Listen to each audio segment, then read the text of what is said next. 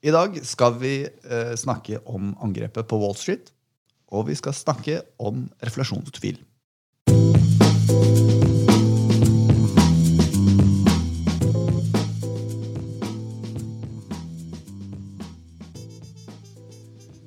Og jeg har selvfølgelig med meg vår sjefstrateg fra hovedkontoret på Hamar. Velkommen, Kristian.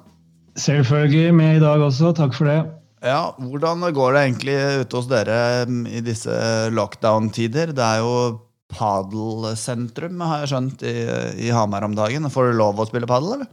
Ja da, vi har to sentre som er uh, åpne nå, pluss at det kom et nyhet nå om at uh, det skal bygges ut uh, ytterligere et senter tilfeldigvis vegg i vegg med et annet. Så kapasiteten kommer til å utvides. Men det er jo helt klart en, en padelbølge som nå strømmer over eh, landet. Eh, og vi har vært så heldige å ha åpne sentre. Så jeg har fått litt dilla, for å være helt ærlig. Hvor mange innbyggere er det i Hamar, da? Åh, det er vel eh, er det 2 3 24 000 eller noe sånt nå, hvis man tar med de som er i, i nærområdene rundt uh, kommunegrensa. Ok, Men dette er ikke en sportspodkast, selv om jeg er ganske sikker på at vi kommer til å komme tilbake til padel uansett. Noe som jeg selvfølgelig også har blitt litt uh, hekta på. Men hva, uh, vi, skal, vi, skal, snakke om angrepet på Wall Street, men du må bare gi meg en kort uh, pandemiupdate først. Superkort.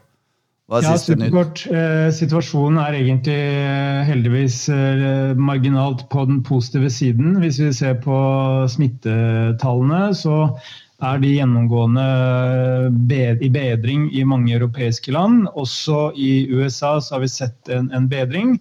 Og spesielt på antall innlagte på sykehus i USA så har man sett en markant uh, tilbakegang, noe som er veldig hyggelig.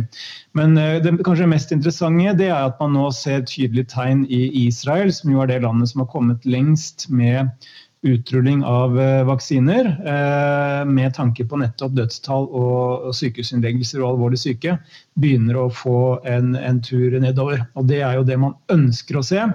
Og det er det vi tror også kan komme til å skje fremover nå. De neste eh, ukene og månedene, At man ser at vaksinene faktisk virker. Og det vil kunne gi egentlig fornyet optimisme både til enhver, og ikke minst til de som investerer i aksjemarkedet. Ja, ok. Det, det, høres bra ut, og det får vi håpe fortsetter. Eh, fortell meg litt om angrepet på Wall Street. Ja, dette er jo mye omtalt i mediene nå. Det er litt sånn 'revenge of the retail traders'. Men det som er uh, interessant med det, og liksom jeg skal prøve å forklare hva som har skjedd. Da. Altså Hvordan kan egentlig en gruppe privatinvestorer skape til dels store kursfall i de globale finansmarkedene? Og Det er jo interessant historie i seg selv. Men det vi vet, det er jo at uh, interessen for uh, å handle i aksjer den har jo kanskje aldri vært uh, større. Og vi vet jo at antall nye aksjehandelskontier har jo steget til rekordnivåer. mange land, men kanskje spesielt i USA. Og mange av disse investorene de har jo de traff jo egentlig Eh, bedre eh, på et tidligere tidspunkt når markedene begynte å stige, enn mange profesjonelle aktører. Og mange av de har investert i både de gode selskapene, men også de dårlige selskapene. Altså de mer spekulative aksjene, som har hatt en til dels ekstrem eh, kursoppgang. Og mange av disse investorene, eh, som jo er private investorer, men som riktignok har tjent ganske mye penger på sine aksjeinvesteringer, og dermed sitter på ganske store beløp, de har jo nå også begynt å, å, å gruppere seg eh, via sånne medier eller sånne forum på sosiale medier osv. Og, det som da har skjedd de siste ukene, det er jo at uh, disse privatinvestorene med til dels store beløp, og de har samkjørt sine bevegelser, så har de rett og slett uh, kjøpt de aksjene som de store kapitalforvaltningsmiljøene uh, og da først og fremst hedgefondene, har hatt de største short-posisjonene i. Og for å forklare short-posisjonsbegrepet på norsk, så vet vi jo at når man investerer i aksjemarkedet, så kjøper man jo normalt aksjer fordi man tror at de skal stige i verdi og man kan få en avkastning. Men det man også har muligheten til via eh, finansmarkedet, det er jo å, å vedde på at aksjer kan falle i verdi. Og posisjonere seg for det. Og Det man da gjør i praksis, det er at man låner eh, aksjer fra en bank eller fra andre investorer, og så selger man de ut i markedet til dagens eh, pris. Man innkasserer da en inntekt. Men ettersom man tror at eh, den aksjen skal falle i verdi frem i tid, så venter man. Og er man heldig, så faller aksjen i verdi. Man eh, kjøper den tilbake på en lavere pris, og kan da levere tilbake aksjene til de man har lånt de av, men innkasserer da differansen mellom eh, det man betalte for dem, og det man eh, solgte dem for opprinnelig. Så det er måten man kan tjene penger på fallende aksjer. Men tilbake til historien. Det som da har skjedd her, det er jo at disse spekulative eh, traderne de har bestemt seg for å ta litt sånn rotta på disse hedgefondene, som har store short-posisjoner i selskaper som enten har veldig svake balanser, eller som har dårlig lønnsomhet, eller som har rett og slett forretningsmodeller som disse hedgefondene ikke har trua på. Og det som da skjer er at Når mange nok av disse gærne privatinvestorene kjøper eh, disse aksjene, som presumptivt er dårlige, det er jo at kursen stiger. Og Når kursene stiger på disse aksjene, så betyr det at disse hedgefondene, som da sitter med short-posisjoner, og det kan vi jo nå alt om, siden jeg forklarte det så utrolig godt eh, i stad, eh, de får en såkalt short squeeze. Eh, på engelsk. Og Det betyr at de får stadig større papirtap på sine short-posisjoner. Og her snakker vi ikke tusenvis av kroner, altså her snakker vi millioner av dollar. Og da må disse hedgefondene de tvinges rett og slett til å, å, å dekke inn sine posisjoner. De tvinges til å kjøpe tilbake aksjene tidligere enn det de hadde tenkt, og på en høyere kurs. og Det betyr jo at de påføres eh, tap. Og, og at det presser prisene da også ytterligere oppover. Ja, ja. Så dette blir jo en sånn der hamstermølle som bare fortsetter å gå. Og, og det som da også skjer, er jo at når hedgefondene får såpass store tap på short-posisjonene sine, det er jo at de ofte da må si, gjøre om på hele risikoeksponeringen sin. Gjøre om på hele porteføljesammensetningen. Og det kan også da bety at de må selge en del av sine andre posisjoner og det er jo aksjer, altså vanlige aksjer som man håper da skal stige i verdi. Og ettersom disse hedgefondene sitter på så mye penger, og man får disse merkelige kursbevegelsene i disse rare aksjene, og man i tillegg ser at hedgefondene må selge seg ned i vanlige aksjer, vanlige posisjoner, så skaper det økt usikkerhet i markedet. Og når uh, usikkerheten stiger, så vet vi at det fører til at denne VIX-indeksen, som jo er en sånn fryktindeks som måler forventet volatilitet eller forventede kursbevegelser i SMP 500-indeksen i USA over de neste 30, 30 dagene, når den stiger, så vet vi også at det er en andre forvaltningsmiljøer som styrer risikotagningen sin i forvaltningen ut ifra bl.a. hvor høy risiko det er i markedet. Og Når viksen da stiger, så betyr det alt annet likt at en del av disse store miljøene de må redusere risikoen i porteføljene sine, og det kan bety at de må selge aksjer. Og Da blir dette en sånn bølge som brer seg ut i den store verden. Og når man fra før har en situasjon med ekstrem optimisme. Veldig mange har på en måte kjøpt de aksjene de har kapasitet til å kjøpe. altså Det har vært nærmest eufori og, og veldig høye forventninger. Så kan det bidra til å forsterke usikkerheten og forsterke kursfallene. Men nå skal det sies at kursfallene har jo egentlig så langt vært relativt eh, små. Men hvis GameStop, som jo er dette selskapet som er mest i vinden da, blant disse traderne, eh, som også har vært eh, et av de selskapene som hedgefondene har, har shorta eh, Hvis kursutviklingen fortsetter i samme tempo altså Nå handles denne GameStop-aksjen opp 100% i øyeblikket i førhandelen. altså Den er opp 100 eh, før børsen åpner i USA. Og hvis kursutviklingen hvis, hvis, den fortsetter å stige så mye som den har gjort nå de siste dagene, så vil det bare være sju dager til dette er verdens største selskap. så, så, så du, skjønner, du skjønner, tegninga. Dette er helt hinsides. Et selskap som har en forretningsstrategi som går direkte imot den veien digitaliseringen går. I hvert fall for det markedet der. Ja, det er jo det, ganske heavy. Og Det er derfor hedgefondene har shorta det. ikke sant? Fordi ja. Hvorfor skal man gå i butikken og, og, kjøpe et videospill når man kan laste det ned? Helt riktig. Men jeg føler faktisk at det er en ganske dyp short squeeze nå på Pino fra naboen. Ettersom polet ikke er åpent, og jeg har lånt ganske mye. Så uh, vi, vi, får se hvordan det utvikler seg. Men vi skal uh, bevege oss litt over til um, reflasjon, vi, Christian.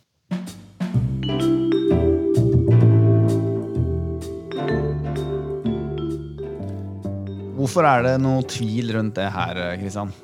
Jo, Først så vil jeg beskrive altså reflasjon. Hva i granskauen er det? Eh, men reflasjon er et sånt begrep som eh, mange bruker for den, eh, den liksom oppblomstringen i verdensøkonomien som vi kan få gjennom 2021 når vi får kontroll på pandemien og veksten i verdensøkonomien virkelig blomstrer opp eh, etter hvert som folk vil reise og gå på arrangementer og bruke penger som aldri før, ettersom man har mye på bok. Eh, og ikke minst mye GameStop-aksjer som man kan selge. Eh, men reflasjon er rett og slett at man får en kraftig økning i den økonomiske veksten. At man får litt høyere inflasjon. Og at for så vidt også en del av de aksjene som har uh, slitt uh, de siste årene, men som kan dra nytte av en stigende økonomisk uh, aktivitet, også kan få en, en renessanse. Men det vi har sett de siste ukene, og spesielt etter de første vaksinenyhetene kom i november, det var jo at reflasjonsteorien og optimismen virkelig fikk fotfeste. Og det så vi gjennom at den amerikanske tiårige statsrenten begynte å, å stige. Den begynte å røre på seg. Eh, vi så at investorene trakk inn i energi, finans, industri, materialer. altså Dette er de klassiske eh, sykliske sektorene i aksjemarkedet. Hvor det også da finnes flest av disse verdiaksjene, som det også kalles. Eh, fordi at dette er sektorer som kan dra nytte av at veksten virkelig blomstrer.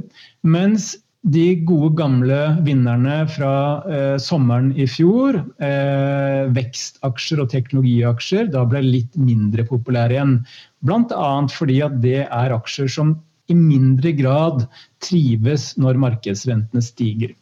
Men det vi da har sett nå siste, de, de siste dagene, og de siste to ukene for så vidt, det er at uh, dette har snudd litt igjen. Og investorene har nå blitt litt mindre gira på verdiaksjer og litt mer gira på vekstaksjer igjen. Og det har ført til at teknologi har gjort det bedre enn f.eks. energi og finans igjen. I tillegg så har vi sett at den amerikanske tiårige statsrenten har falt ganske markant tilbake.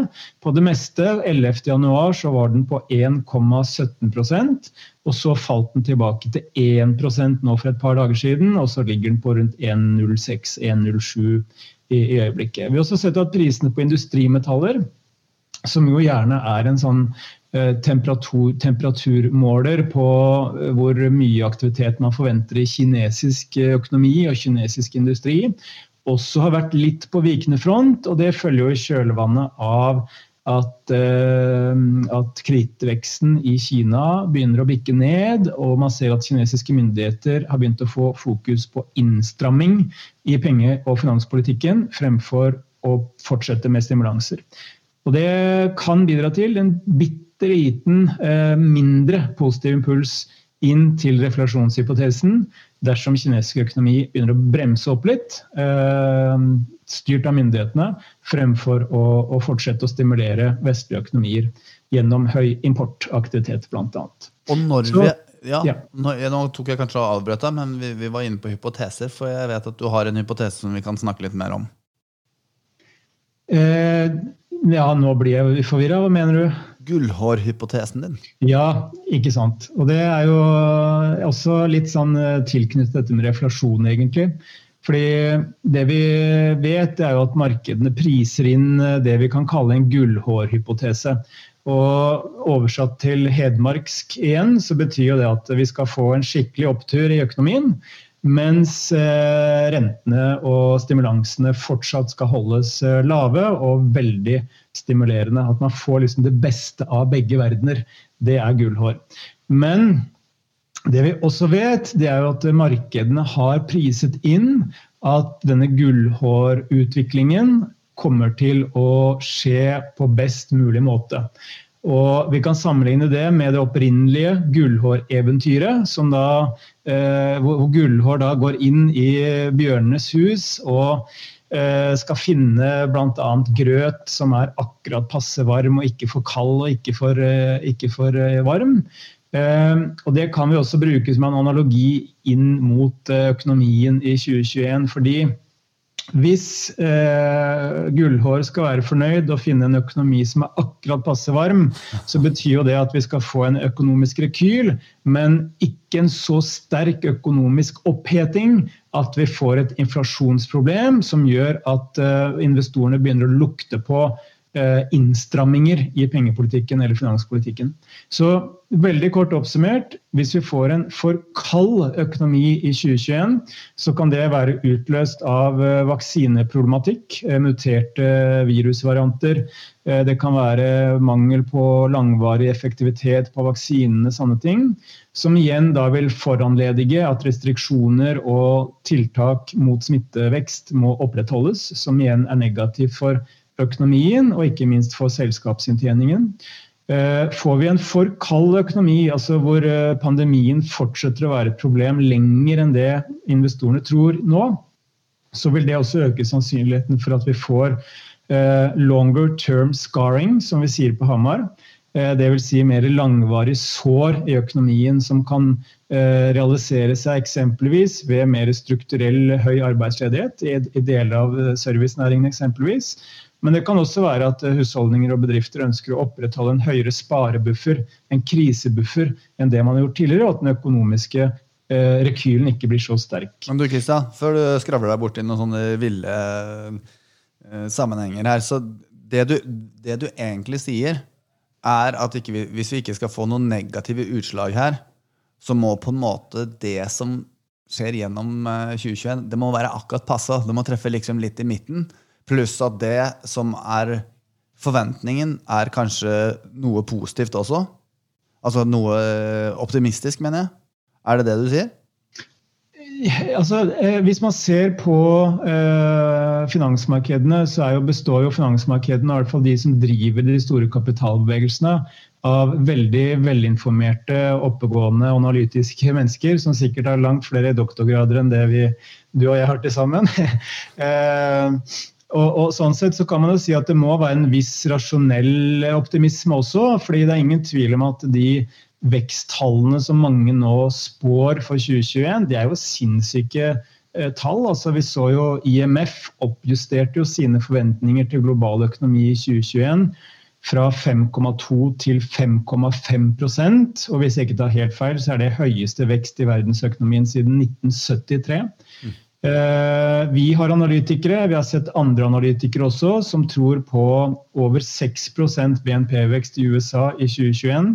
Det vil i så fall være høyeste vekst i USA siden 1983. Og det er klart at Får man den vekstrekylen der, og man i tillegg får stigende råvarepriser, man får alt servert på en seng av pengetrykking og budsjettunderskudd og you name it, så er det ingen tvil om at dette kan boble over til å bli en fantastisk fest. Eh, men en fest kommer jo sjelden uten en eh, hangover dagen etter. Det vet dere mye om Det kan være rett og slett inflasjonsproblematikk. og det eh, kan igjen utløse skepsis blant investorene om at her kommer det innstramminger i politikken. Ok, Så hva skal jeg som lytter da konkludere med ut fra denne gullhårhypotesen? Eh, det du kan eh, konkludere med, er jo at eh, ja, vi i Danske Bank vi tror også at gullhypotesen har noe for seg. Vi tror ikke at rentene vil stige så mye, eller inflasjonen stiger så mye at det kommer til å ødelegge for aksjemarkedet. Og vi tror at det kan bli en veldig sterk økonomisk rekyl så fremt alt går som planlagt med tanke på kontroll eh, på, på, på pandemien. Men det er også eh, liksom, risikomomenter i begge ender her. At ting kan gå så bra eh, å bli såpass hett at man får en overoppheting og man får et inflasjonsproblem. Og at investorene da begynner å tenke på ok, hva skjer hvis rentene stiger. Vi har tross alt rekordhøy gjeld i offentlig sektor. Vi har rekordhøye gjeldsbyrder i deler av næringslivet. Uh, og vi har en god andel zombieselskaper, altså selskaper som bare overlever fordi rentene er lave. Uh, og stimulansene fra myndighetene er gavmilde. Okay. Så hva vil, hva vil, da skje hvis, hvis man får en reversering av stimulansene?